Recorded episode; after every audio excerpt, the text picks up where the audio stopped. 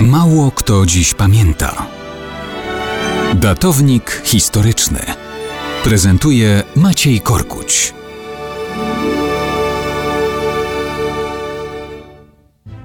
Dzisiaj przypominamy o śmierci górników z kopalni Wujek 16 grudnia 1981 roku.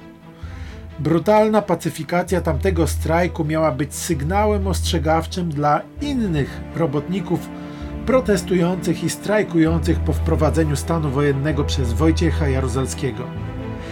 To był koniec wybijania się na wolność i niepodległość w czasie Solidarności. Moskwa odzyskiwała dzięki Jaruzelskiemu kontrolę nad PRL-em, a reżim komunistów demonstrował siłę i gotowość bezwzględnego zniszczenia wszelkich odruchów sprzeciwu.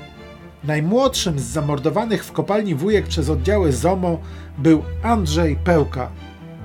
Urodził się w 1962 roku w małej miejscowości Niedośpielin w województwie łódzkim. Typowa wioseczka, bieda z czasów siermiężnego komunizmu. Był najmłodszym z braci. Po podstawówce poszedł do zawodowej szkoły budowlanej w Częstochowie. Po jej ukończeniu, szukając środków do życia, pojechał w poszukiwaniu zatrudnienia do Katowic. Tam znalazł pracę w kopalni węgla kamiennego Wujek. Zakochał się, planował przyszłość. Na początku grudnia 1981 roku był w domu po raz ostatni. Miał wrócić na święta Bożego Narodzenia, ale 13 grudnia Jaruzelski wyprowadził czołgi na ulicę.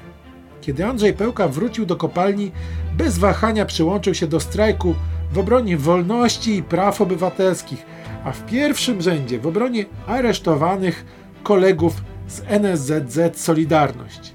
Wszak na tym właśnie polegać miała prawdziwa Solidarność. 16 grudnia milicja i ZOMO rozprasza demonstracje. Potem czołgi rozbijają kopalniany mur w KWK Wujek. Górnicy mogą się bronić kamieniami, śrubami. ZOMO było wyposażone w broń i ostrą amunicję.